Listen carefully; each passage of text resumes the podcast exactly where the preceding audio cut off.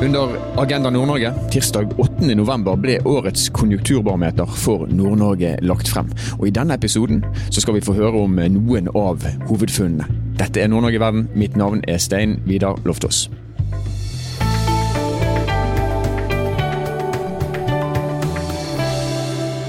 Siden 1995 har altså konjunkturbarometeret for Nord-Norge vært en viktig kilde til økonomisk kunnskap med mer om Nord-Norge. Årets rapport ble lagt frem under eh, årets Agenda Nord-Norge, som eh, i år ble arrangert 8. og 9. november. Og Du kan finne hele rapporten, altså hele konjunkturbarometeret, og også en kortere oppsummering av dette på kbnn.no slash kb2022, eller gå bare inn på kbnn.no, så finner du frem. Nå skal vi få høre innlegget til konsernsjefen i Sparebank1 Nord-Norge, Liv B. Ulriksen. De siste ti årene har Nord-Norge hatt en vekstkraftig økonomi, og høyere enn resten av landet. Kan det fortsette når vi nå ser det som skjer rundt oss? Siden 1995 har Konjunkturbarometeret for Nord-Norge vært en viktig kilde til kunnskap om økonomien i nord. I dag skal jeg gi dere noen høydepunkt fra årets barometer, og så skal jeg også prøve å besvare spørsmålet om veksten kan fortsette. For ett år siden var vi på vei ut av pandemiens grep. Økonomiene var i ferd med å hente seg inn, og det var utsikt til en mer normal vekst. Prognosene for global vekst var på 4,4% da vi gikk inn i 2020. 22. Sånn ble det ikke. Vårt vektige naboland invaderte Ukraina, og vekstanslagene har blitt justert ned i flere omganger i løpet av året. Noen vil si at festen er over. Krig, inflasjon og energikrise det har nærmest satt klimakrisa i skyggen. Hvordan vil alt dette påvirke Nord-Norge? Alle i Nord-Norge kjenner på nærheten til Russland. På en helt annen måte enn resten av landet. Sikkerhet og beredskap har fått en helt ny klang. Vi har viktig infrastruktur, kunnskap og ressurser, og Forsvaret varsler økt satsing. Sør-Varanger og Svalbard er i ei særstilling. Som ledere i privat og offentlig sektor kjenner vi alle på at disse utfordringene må vi håndtere med klokskap. Men til dere alle Nord-Norge er på ingen måte en provins som handler om å forsvare Norges grenser i nord. Landsdelen har som sagt en mer vekstkraftig økonomi enn resten av landet. Det har gitt oss muskler, og det gir oss muligheter. Overgangen fra oljenasjon til en nasjon med en ledende rolle i det grønne skiftet ligger i nord. La meg utdype. Å snakke om hvorfor alle må jobbe for å redusere utslippene, regner jeg med er helt unødvendig. Det grønne skiftet er i gang nå, og vi må alle finne vår rolle. Det vil kreve mye av oss, enten vi jobber i privat eller offentlig sektor. De unge har sendt oss ei klar utfordring. Å nei, jeg tenker ikke på klimabrøl eller skolestreik. På Agenda Nord-Norge i 2019 sa deltakerne i Nye stemmer at vi må passe oss for å bruke bærekraft som floskler. For det handler om å bygge forsvarlig vekst. De unge opplever at Nord-Norge er et sted hvor vi er villige til å prioritere naturen og at vi samtidig kan få til grønn vekst. De ønsker at Nord-Norge skal bli et internasjonalt klimasentrum. Hva er vårt svar på ei sånn forventning? Sparebanken Nord-Norge har satt som mål å ha en portefølje med nullutslipp i 2040. Og det er ti år før det nasjonale og det globale målet om nullutslipp. Det gjør vi fordi vi mener Nord-Norge kan ta en ledende rolle i omstillinga. Nord-Norges totale utslipp i fjor var på 6 millioner CO2 ekvivalenter. Hvor mye er egentlig det, tenker du? Jo, det utgjør 12% av Norges totale utslipp.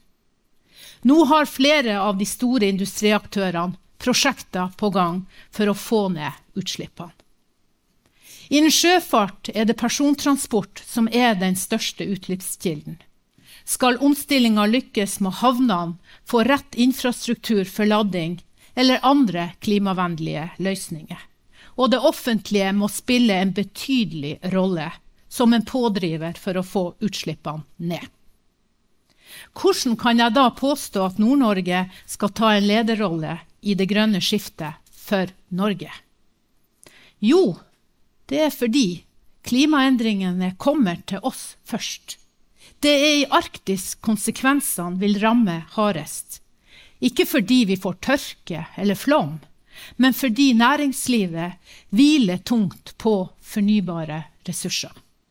Villfanga fisk, energi, havbruk, kraftkrevende industri og turisme. Det meste er bygd opp rundt naturressurser. Grønn omstilling vil kreve noe av oss som nasjon. Klimautfordringen gjør at kull, olje og gass i større grad erstattes av fornybare energikilder. Nord-Norge har naturressurser til å bidra. Hele 40% av Norges potensial for lønnsom vindkraftproduksjon finnes i Finnmark. Men vi vet alle at skal vi bruke naturressursene, må vi evne å balansere energiutbygging med naturrisiko og ivaretagelse av samiske interesser. I Europa satses det nå på utbygging av havvind, men ikke i nord.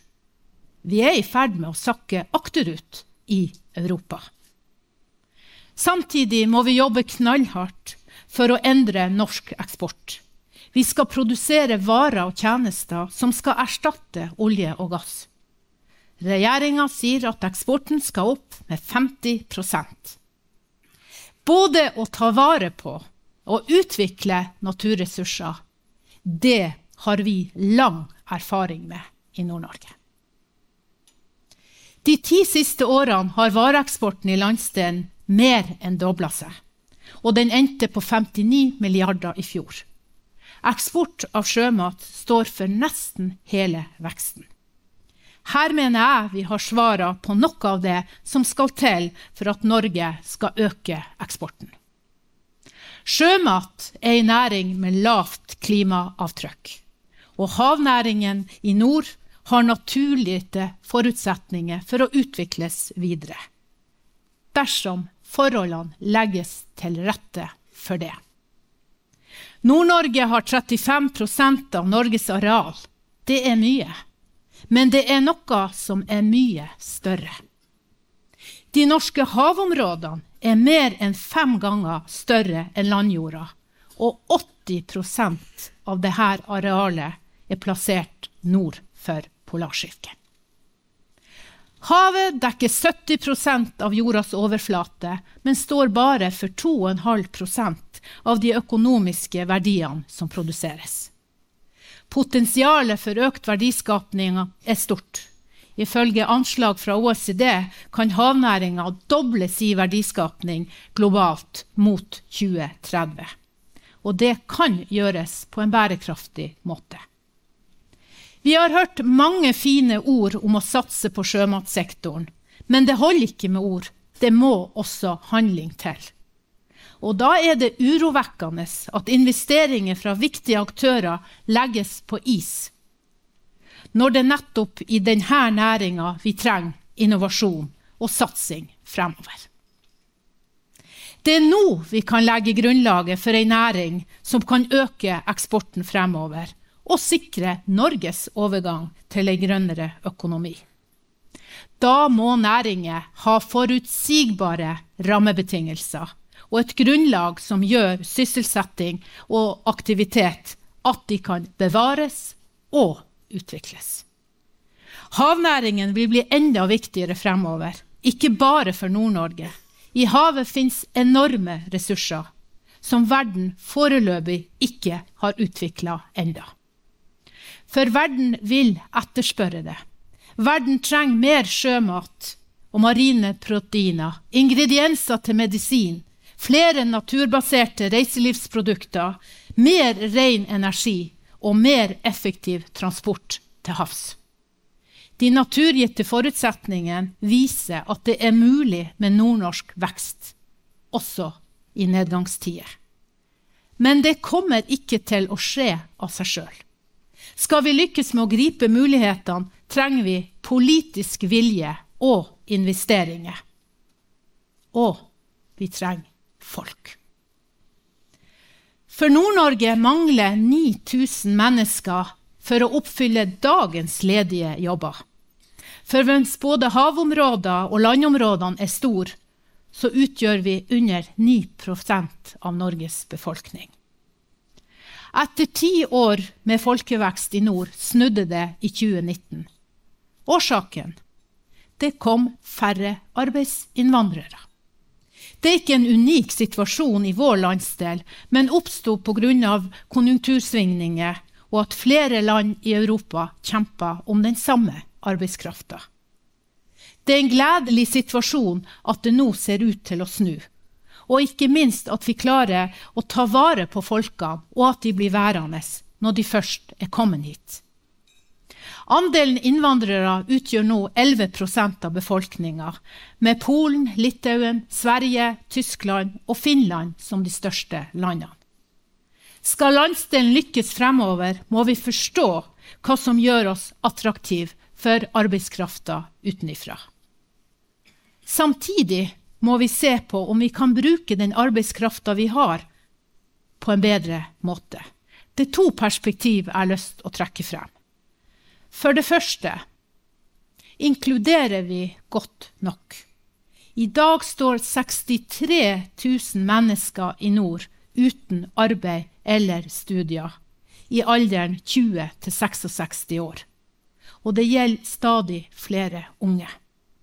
Flere av dem vil få et bedre og rikere liv dersom de er i jobb. Både Nav og fylkene jobber med å legge til rette for at flere kan finne plass i arbeidsmarkedet. Men det ansvaret må også vi som ledere kjenne på.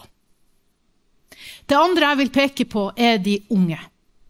Klarer vi å synliggjøre mulighetene godt nok?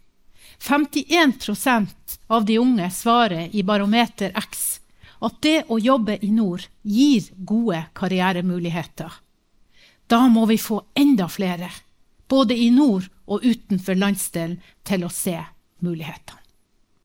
Sammen med LO og NHO utvikla vi ordningen 1000 jobber, hvor vi viste frem nordnorske sommerjobber for unge i hele Norge. Flere hundre arbeidsgivere var med på ordninga, og vi gjør det igjen i 2023. Sommerjobber er en perfekt smak av det vi har å by på i nord. Og det er på tide at vi lyser dem ut via Nav, og ikke gjennom våre egne nettverk. Vi må huske at arbeid, utdanning og offentlige tilbud hører tett sammen med vekst og utvikling.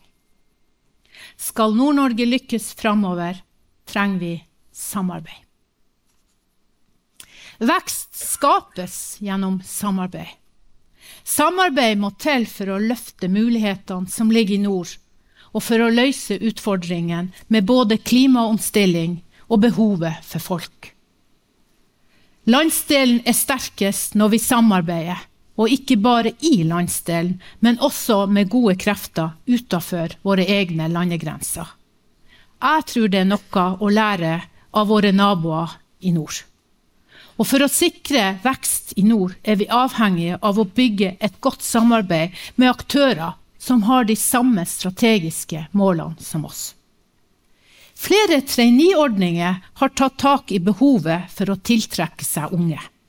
Snart dekkes hele regionen vår av ulike traineeordninger. Og når vi så først har fått folk hit, så må de ha et sted å bo. For mange kommuner er mangel på boligbygging i ferd med å bli en hemsko for utvikling. Og mangel på bolig gjør rekruttering enda vanskeligere. Nye samarbeid kan føre til nye løsninger. Noen ganger må vi også samarbeide med konkurrenter for å lære, for å bygge skala og fordi vi har felles mål.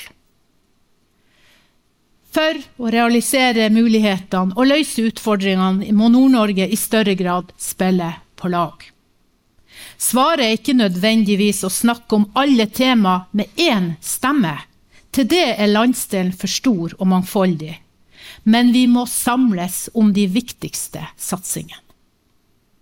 Samarbeidet må også settes inn i en større kontekst.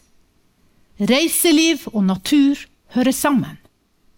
Helsesektoren i samarbeid med næringslivet har et stort potensial for utvikling. Og klimapolitikk er også næringspolitikk. I salen her er vi samla ledere og beslutningstakere fra privat og offentlig sektor, politikere, studenter og traineer. Jeg håper vi får rikelig tid sammen her dagene, både til å lytte og til å snakke sammen. Og at vi husker at samarbeid også kan gå på tvers av det som skiller oss. Og så én ting til. Det finnes ikke alternativer. Og da kan vi gå fra ord til handling.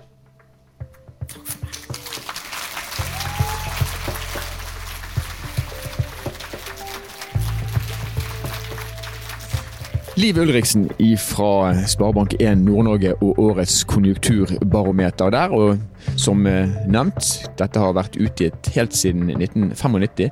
Og årets barometer, ja, det er kanskje spesielt fordi at det er levert i en ja, langt mer usikker verden enn det man har vært vant til egentlig alle årene fra 1995.